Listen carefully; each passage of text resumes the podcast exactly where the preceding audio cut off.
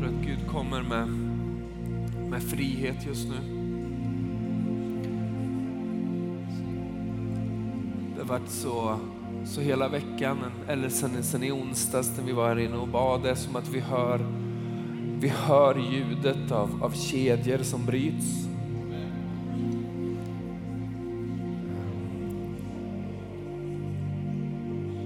Och om du på något sätt eh, brottas med, med fångenskap på något område, om det är, om det är rädsla, om det är, om det är missbruk, om det är din, din historia, så, så tror jag att Gud kommer och, och, och bryter av de kedjorna just nu. Kung Jesus kommer med frihet.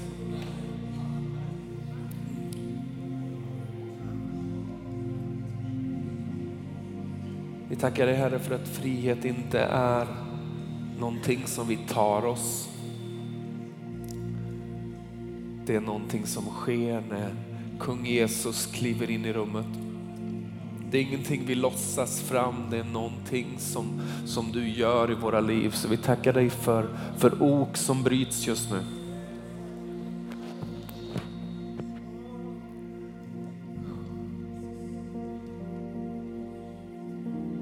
Kommer. Bara du.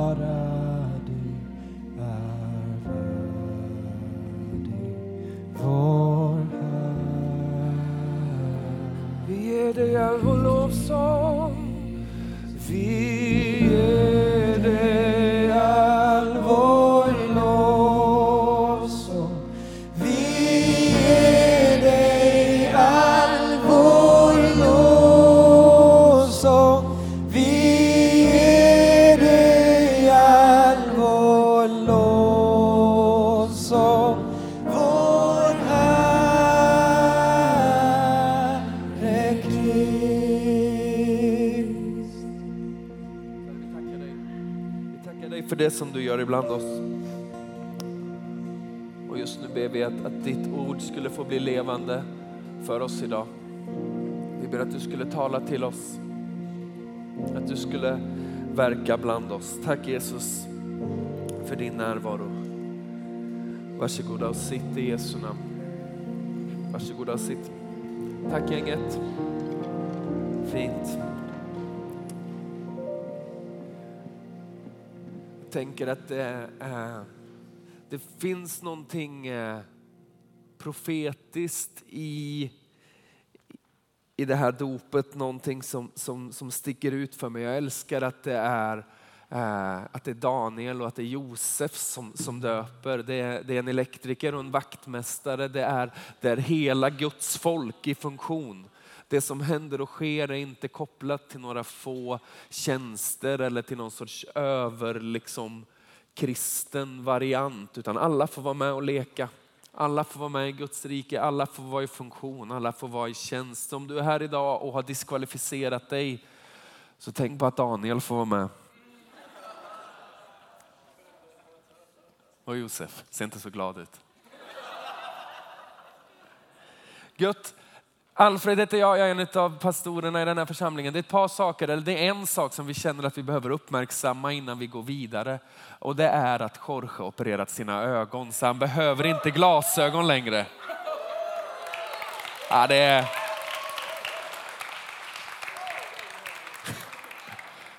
Så gå fram och ta en titt sen, det är fantastiskt. Förra veckan så, så predikade Jorge utifrån eh, adventstexten, utifrån ni vet när Jesus eh, rider in i, i Jerusalem.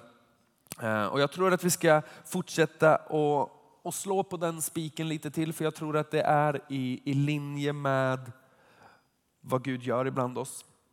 Om du är ny här eller om du eh, inte har liksom varit eh, närvarande antingen liksom kroppsligt eller om du bara har varit någon annanstans i tanken under de senaste veckorna så, så känns det som att Gud gör någonting nytt ibland oss. Eh, vi, vi märker hur, hur någonting händer och sker. Det är som att Gud har, har tagit ett steg närmre. Han som alltid är mitt ibland oss har den senaste tiden i sin godhet låtit oss bli mer medvetna om att han är här. Vi har inget jättebra liksom, språk för att förstå det här. Liksom, Gud är alltid här och så är det som att han plötsligt kliver rakt in i våran tillvaro och så blir det väldigt påtagligt att han är här. Men om du inte känner något så är han precis lika närvarande i ditt liv. Och en av de sakerna som vi upplever att Gud gör ibland oss är att han, han, han förnyar vår, vår gudsfruktan. Det är ett besvärligt ord eh, och det låter negativt. Eh, för några veckor sedan så försökte jag förklara det som, som helig svindel. Tanken om att, om att plötsligt komma fram till en magnifik utsikt och i samma stund känna det är så vackert att jag tror jag dör och om jag tar ett steg fel så tror jag att jag dör. Hänger ni med på den liksom spänningen? Det är svindlande vackert om man tänker hjälp och så tittar man ner och så tänker man hjälp. Eller hur? Jag satt och det är Trolltunga heter det va, i Norge. Jag satt och googlade bilder och en del människor är inte kloka i huvudet. Alltså. Det, eh, det här tyckte jag var lagom läskigt. Eh, men, men, men jag tänker att det är en bra bild för gudsfruktan. När vi kommer närmre så inser vi mer av hans storhet och mer av hans skönhet. Vi, vi förundras och vi känner Gud, du är fantastisk. Men samtidigt så inser vi att Gud, du är inte liten och mysig.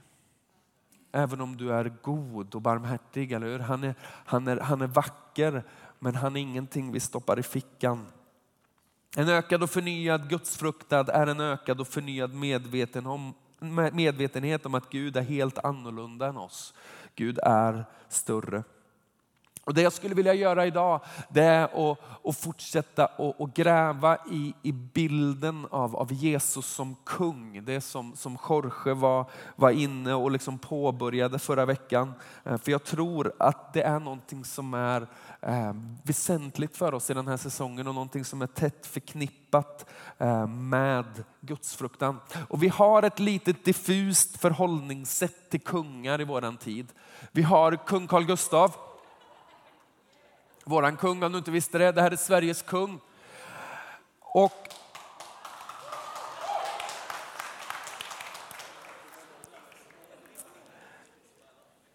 Och han har ingen egentlig makt. Det är inte som att han kan komma, och knacka på i vår lägenhet i Kubbegatan i Sköndal och säga, eh, jag tar den här nu.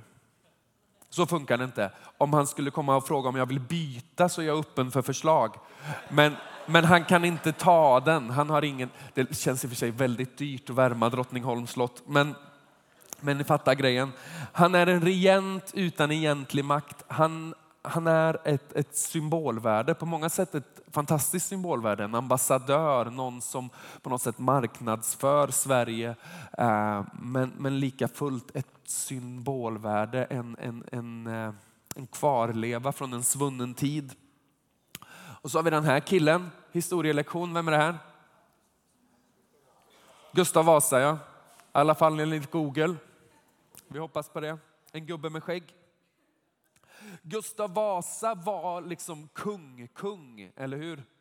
Han kunde komma och säga jag vill ha din lägenhet. Han var också på många sätt ganska oskön. Eller hur?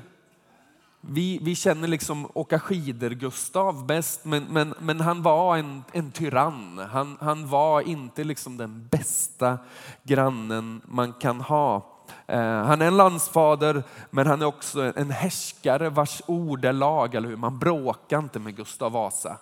Eh, om han vill ha lägenheten så lämnar man över nycklarna och säger jag kan, jag kan bo ute, det är ingen fara. Vi har, har den här nissen också. Zlatan. Den här bilden tog jag bara för att provocera. Jag tänker att det är säkert är jag vet inte varför Pekka blev provocerad. Han spelar fotboll, Pekka.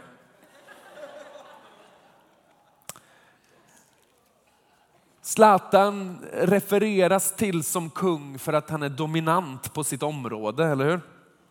Han har dominerat inom ett egentligen obetydligt skrå. Fotboll gör varken hit eller dit, men lika fullt har han varit så dominant att, eh, att han på något sätt har gett sig själv epitetet kung. Det är ingen ärvd makt, ingen officiell makt, men han har ett stort inflytande. Så det finns lite olika bilder av vad det här med, med kung skulle kunna vara. Vi skulle kunna dra på mer, men jag vet inte riktigt vad det skulle eh, tjäna till. Och så har vi den här texten som, som Jorge läste förra veckan om när Jesus rider in i Jerusalem på en åsna. Och när han gör det så är det inte Jesus som får lite plötslig åsnefeeling. Ni vet när man känner nu hade det varit gött att rida på en åsna. Det är inte ett sånt ögonblick, även om det kan hända ibland. Och det är inte Jesus som har tröttnat på att promenera och vill ha lite snålskjuts. Utan Jesus knyter an till en, en profetia, en, en text som vi hittar i gamla testamentet i Sakarja 9 och 9. Där det står så här, fröjda dig stort dotter Sion, jubla dotter Jerusalem. Se din konung kommer till dig, rättfärdig och segerrik är han. Han kommer ödmjuk, ridande på en åsna, på en åsninnas föl. Det här är liksom vad han eh, lutar sig mot. Han gör någonting aktivt för att koppla sig själv till den här texten, eller hur? Han, han säger, jag är inte bara Jesus som är någon sorts profet som går runt och gör lite under och säger kloka saker och åker båt över samma sjö fram och tillbaka väldigt mycket. Utan jag är kung. Okej? Okay?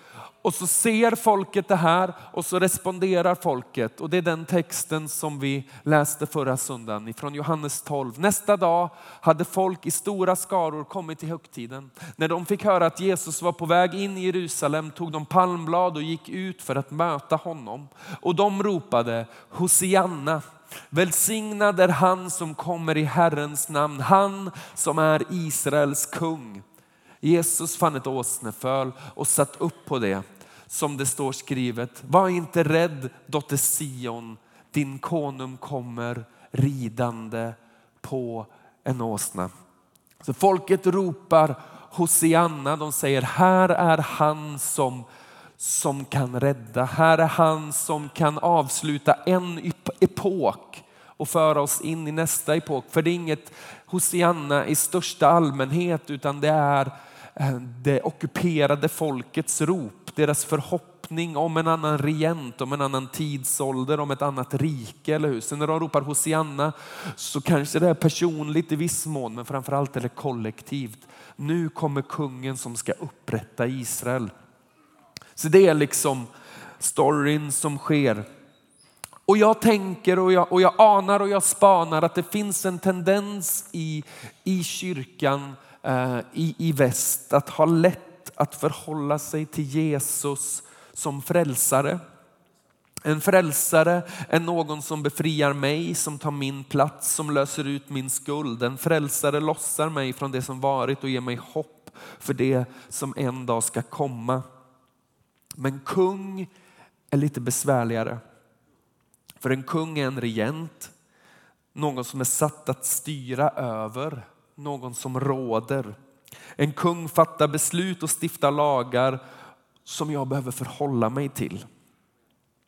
Jag har belastande bilder av en kung som vi varit inne och tittat på. En kung kan vara som vår kung, en symbol utan egentligt inflytande. Eller som Gustav Vasa, en despot som vill härska för sin egen äras skull. Eller som Zlatan som inte är kung alls. Men som på grund av sin talang lyfter lyfter upp och lyfts upp till en position där han är för mer. Därför tänker jag att det är så otroligt vackert hur, hur den här texten i, i Sakarja 9 som vi började i målar bilden av, av kung Jesus. Jag tänker att vi ska gräva i den lite grann. Det första som vi ser va, det är fröjda dig stort dotter Sion, jubla dotter Jerusalem. Det är inget eh,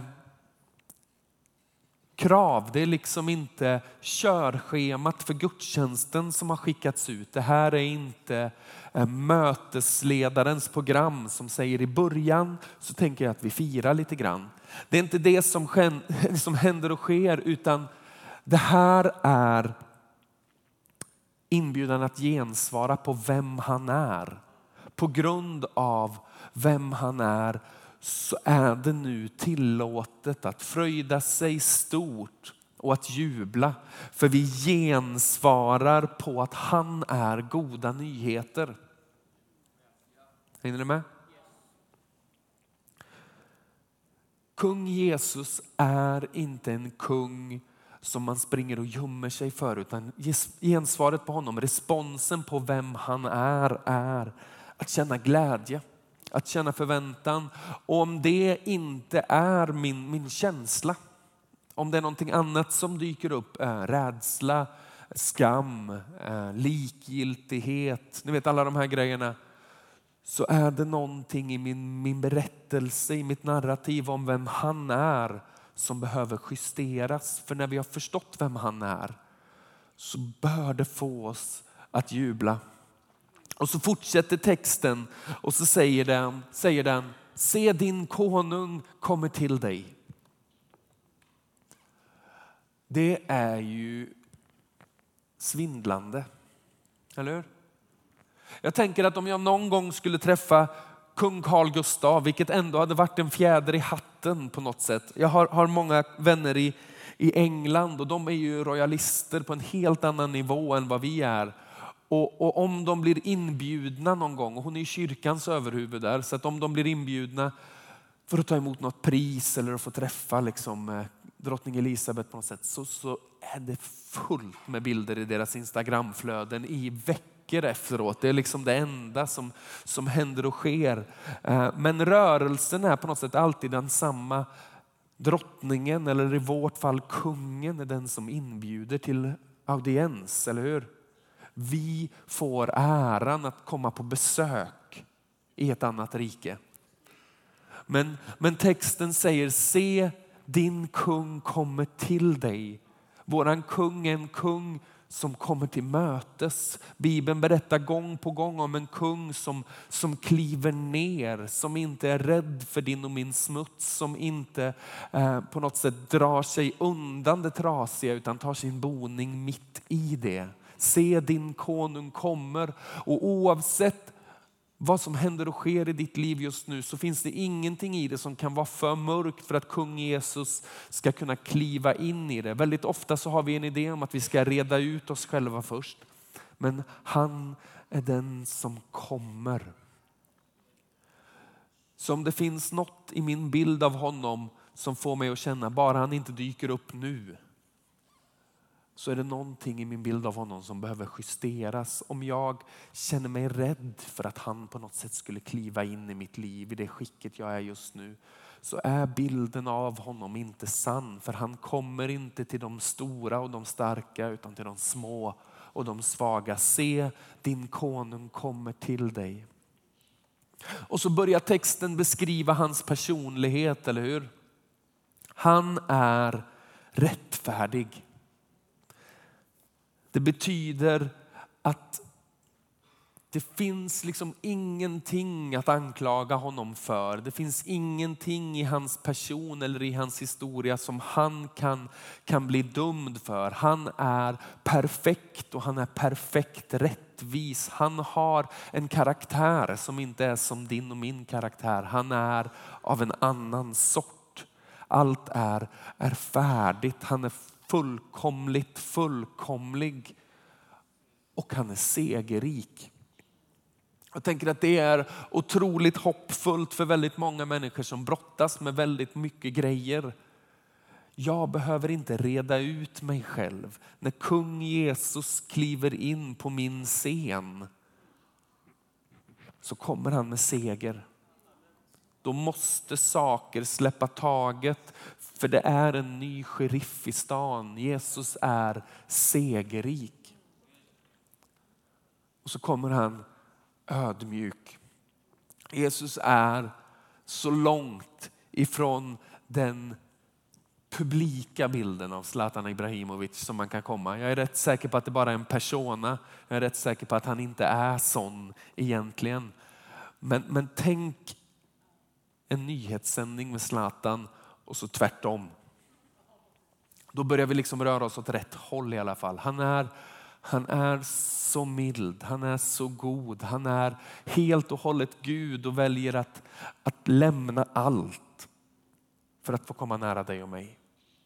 Så ödmjuk är han, så, så mild är han. Han skulle aldrig få för sig att, att trycka ner dig eller förminska dig. Han skulle aldrig få för sig att på något sätt dra till dig i sidan precis när du har sänkt garden och tror att du kan lita på honom. Han skulle aldrig få för sig att ta dina hemligheter och springa runt med dem utan han tar dem ifrån dig och sen är de borta.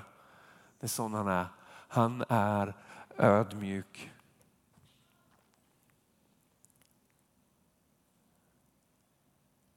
Jesus är en annorlunda kung. Hans vilja är vår frihet. Men vi har förstå, svårt att förstå att vår frihet finns i hans vilja. Hängde ni med?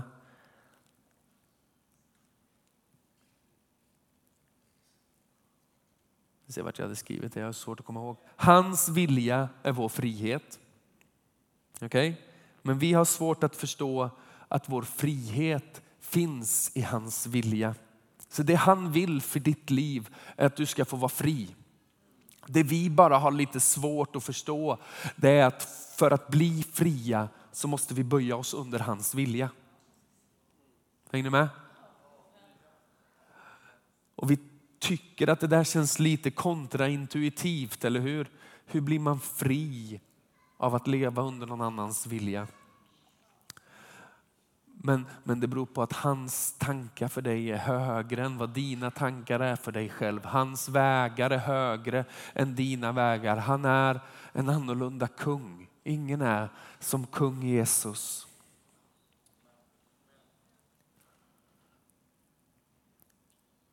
Han är en god kung men likväl en kung och inför den sanningen så tänker jag att vi behöver göra ett aktivt val. Att låta kungars kung bli min kung. För det är lätt att sätta Jesus i en kung Carl Gustav-roll där han förvisso bär en titel men där hans inflytande i våra liv är begränsat. Eller hur? För vi gillar bilden av en frälsare men det är lite besvärligt med bilden av en kung. För en kung på något sätt förändrar min ställning. Någon annan hamnar över, eller hur? Vi läste det här i veckan från Jesaja 29, vers 13 och 14. Herren säger, det här folket nalkas mig med sina ord och ärar mig med sin mun, men deras hjärtan är långt ifrån mig och deras gudsfruktan är bara inlärda människobud. Därför ska jag än en gång göra stora under bland detta folk, förunderliga ting. De visas vishet ska förgå och de förståndigas förstånd komma bort. Man kan säga massor om det här, men jag tänker att grundkonceptet är det här. Det finns bilder av kung Jesus. Det finns bilder av, av Jesus som kungars kung och herrars herre. Som vi har fått lära oss och som vi har snickrat själva. Som är så förvridna eller bara lite förvridna. Men hur som helst är de inte sanna och någonting i de bilderna gör att, att även om det händer här så är jag rädd för att dra mig nära. För jag vet inte vad han ska göra med mitt liv om jag kapitulerar inför honom. Jag hade en kompis som hette Ture när jag bodde i, i Vargön när vi var små. Och, och vi var på en, på en nyårskonferens ihop, det hette nyårsexplosion, det var liksom millennieskifte och man hade en viss känsla av att nu kanske allting går under, men vi får se. Ni vet den ändå sådär, datorerna kommer krascha och en del av er fattar ingenting. Jag är i någon sorts mellanålder nu för tiden. Uh, och så var Bruce Olsen där, kommer ni ihåg honom? Han var med motilonerna, han var missionär i Sydamerika någonstans och fick gulsot och de tyckte han hade så vacker gul hy och vackra gula ögon. Uh, och, och, gjorde ett fantastiskt liksom, arbete bland uh, indianerna eller ursprungsbefolkningen kanske man ska säga i Amazonas djungler. Och så är han där och så har han något liksom seminarie om, om mission och min kompis Ture är livrädd för att gå dit för han är övertygad om att Gud ska skicka honom till Island. För det är liksom hans mardrömsställe. Nu tror jag han skulle vara rätt nöjd över det, men då var inte Island liksom stället han hade för sina ögon. Men det finns något i den där bilden av, av att när jag kapitulerar under hans vilja, när hans vilja får börja råda i mitt liv, så kommer han börja be mig göra massa saker jag inte vill, för han vill mig inte väl. Vi skulle aldrig säga det, men det finns något i det där som gör att jag tillber med min mun, men jag håller mitt hjärta lite på avstånd, för jag är rädd för vad som händer om jag släpper på helt och fullt. Kan ni relatera till det lite grann? Annars blir det bara någon sorts en pastors bekännelse. Och det har väl någon sorts funktion. Det är ju inte fel det. Sån är jag. Och så säger Herren, därför ska jag än en gång göra stora under bland detta folk. Förunderliga ting. Någonstans ska jag låta topplocket ryka så att de visas vishet ska förgås. Alltså det som du har snickrat ihop själv kommer på något sätt pulveriseras och de förståndigas förstånd komma bort. När kung Jesus kliver in i rummet så förändras spelreglerna. Det tänker jag är Guds fruktan. Att han på något sätt säger, du trodde att jag var sån här, men jag är sån här. Han avslöjar sig som, som stor och helig, som, som evig och allsmäktig. När vi lever med en förvriden bild av vem kung Jesus är så finns det också något som håller oss på avstånd. Vi låter den skeva bilden av vem han är hålla oss från honom och ytterst sett från den frihet som hans vilja ger. Det jag tror Gud gör ibland oss i denna säsong är att korrigera bilden av vem han är. Vi har lärt känna honom som frälsare, som nåden personifierad, som den som befriar oss från lag och skam och nu presenterar han sig som kung. Och med det så infinner sig en ny vördnad, en känsla av påtaglig helighet. Men jag tror också att det är, som jag var inne på i början, en, en säsong av befrielse. Kommer ni ihåg det, det första budet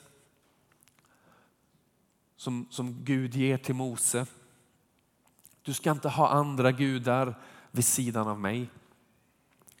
Läser vi de här texterna med, med fel glasögon utan att förstå hur god han är så blir det Gustav Vasa som, som ropar över våra liv, nåde dig om någon annan får bestämma. Men kung Jesus som kommer till oss, han säger du ska inte ha några andra gudar jämte mig. Den tiden är förbi när någonting annat fick styra och ställa med dig. När någonting annat fick, fick härska och härja i ditt liv. När jag kliver in så kommer jag med frihet, så kommer jag med liv och liv i överflöd, så kommer jag med, med upprättelse och, och glädje för jag är, jag är segerrik. Du ska inte ha några andra gudar vid sidan av mig. Det är absolut en, en liksom ett varningens finger till oss att inte börja trolla med grejer och inte börja låta grejer ta för stor plats i våra liv. Men framförallt så är det hopp in i de områdena av våra liv där vi vet med oss att det är någonting annat som sitter på tronen och jag har försökt få bort det men jag lyckas inte. Jag kan utmana det och jag kan liksom lura ut det en stund men sen kommer det tillbaka. Men när kung Jesus kliver in i din skit så måste de andra gudarna böja knä. Så måste det andra falla undan. Det har, hänger ihop med, med Guds fruktan att göra för när vi förstår hur stor han är, När vi förstår hur, hur svindlande vacker men samtidigt oändligt helig han är. Så på något sätt faller bitarna på plats i oss. Då börjar hopp välla in för allt måste inte förbli som det är just nu. Frälsningen löser liksom min synd och min skam. Men kung Jesus kommer med, med frihet för han är en annorlunda kung.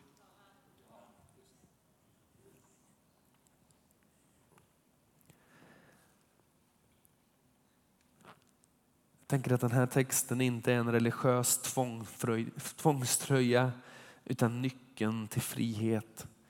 När kung Jesus kliver in i våra liv och gör anspråk på oss så behöver det som just nu har tronen att fly. Jag tror det är det här som,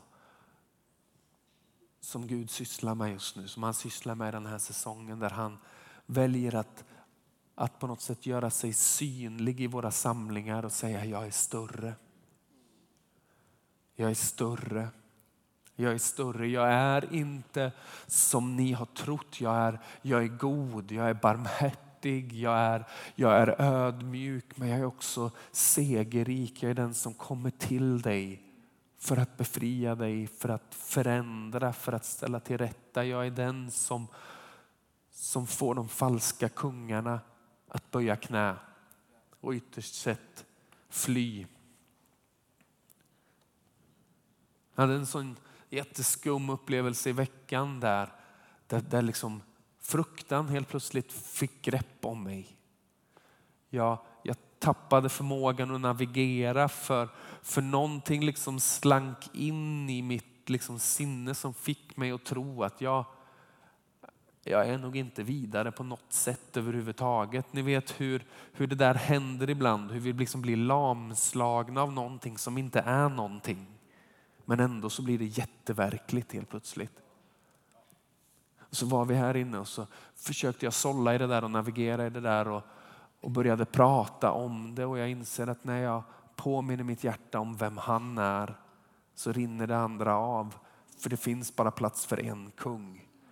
Och när jag väljer att, att bekänna honom som, som Herre i mitt liv så måste det andra böja knä för det får inte plats. Allt är inte ögonblickligt, allt sker inte med en gång, allt blir inte bra med en gång. Men någonstans så får det som försöker härska och styra i oss böja knä för kung Jesus.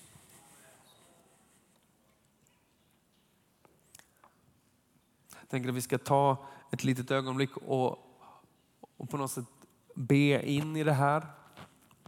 För det finns människor som har levt ganska länge med idén om att det där som håller mig fången kan jag inte lägga av mig. Jag kan på sin höjd på något sätt lämna det utanför kyrkan en stund och tänka att det är ett andningshål. I en timme och 45 minuter så får jag chansen att på något sätt glömma min vardag.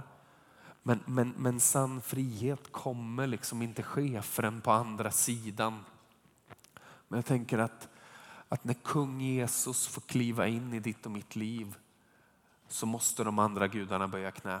Så måste det som gör anspråk på att styra ditt liv böja knä. Inte för att du tillber det, men för att det har tagit sig rätten att härja med dig. Och Jag tror att vi bara ska sätta ord på en del sådana där grejer och, så, och faktiskt proklamera Jesus som Herre i det här rummet innan vi går vidare och fortsätter tillbe och öppna förbönsplatserna. Så. Känns det okej? Okay? Ska vi stå upp tillsammans?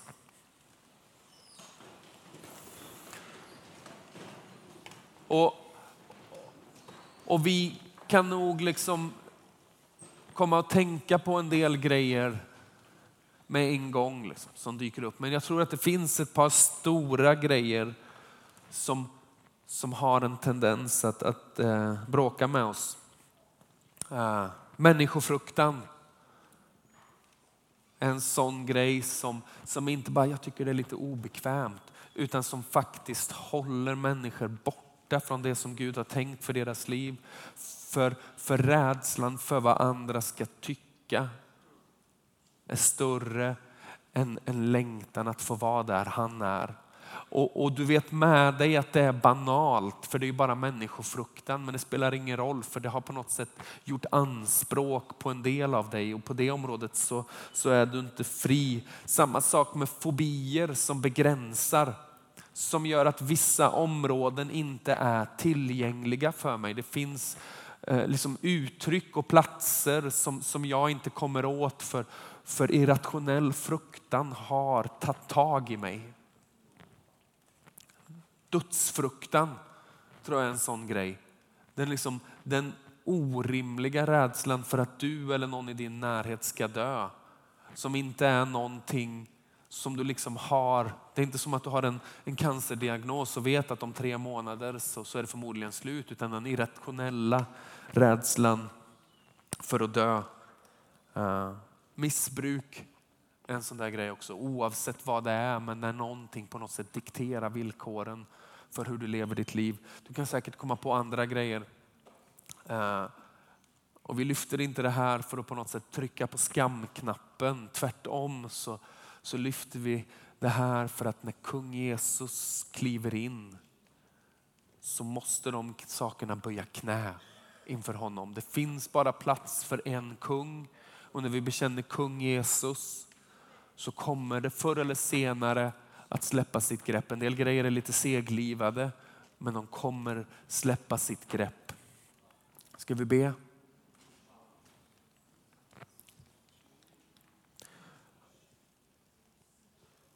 Och om du vet med dig att någon av de här grejerna verkligen är ett fängelse för dig så, så, så bara för ditt inre på något sätt säger Gud, du vet att det där är jag. Det finns en poäng i att vi vågar ge det ett namn i vårt inre. Och så ber vi Jesus, vi tackar dig för att du är kungars kung och herrars herre.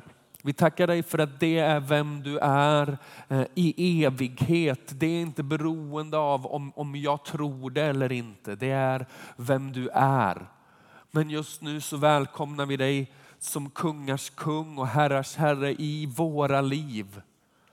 Och vi ber dig, ge oss mod att böja oss inför dig. För det är bara där din vilja är som min frihet är. Ge mig mod att släppa taget och tro att det du har och det du förmår är bättre än det jag har och det jag förmår. Och så talar vi till rädsla. Oavsett vad du har för namn. Och befaller dig att böja knä för namnet Jesus. Vi proklamerar Jesus som, som kung och som Herre. Inga andra gudar jämte honom. Vi talar till, till en ande av, av missbruk som på något sätt eh, styr människor som den vill. Och befaller den att, att böja knä inför namnet Jesus.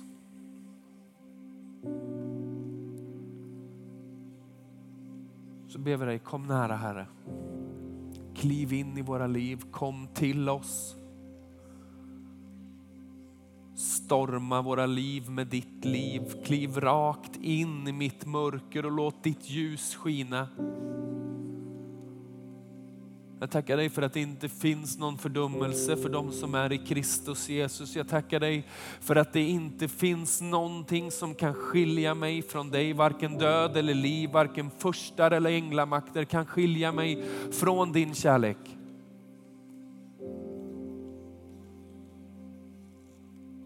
Så ber vi dig, kom helige Ande och på något sätt skruva upp vår gudsfruktan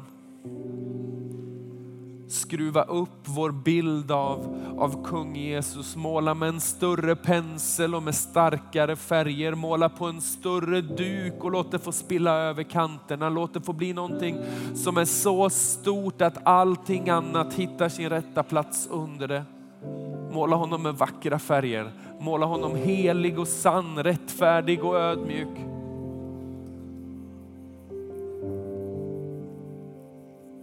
Kom helige Ande.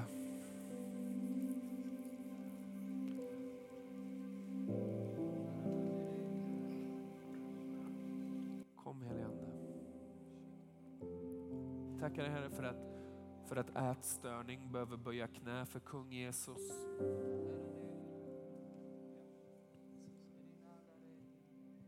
För att lögnen om, om hur jag ser ut och hur värd att älska jag är får böja knä för namnet Jesus.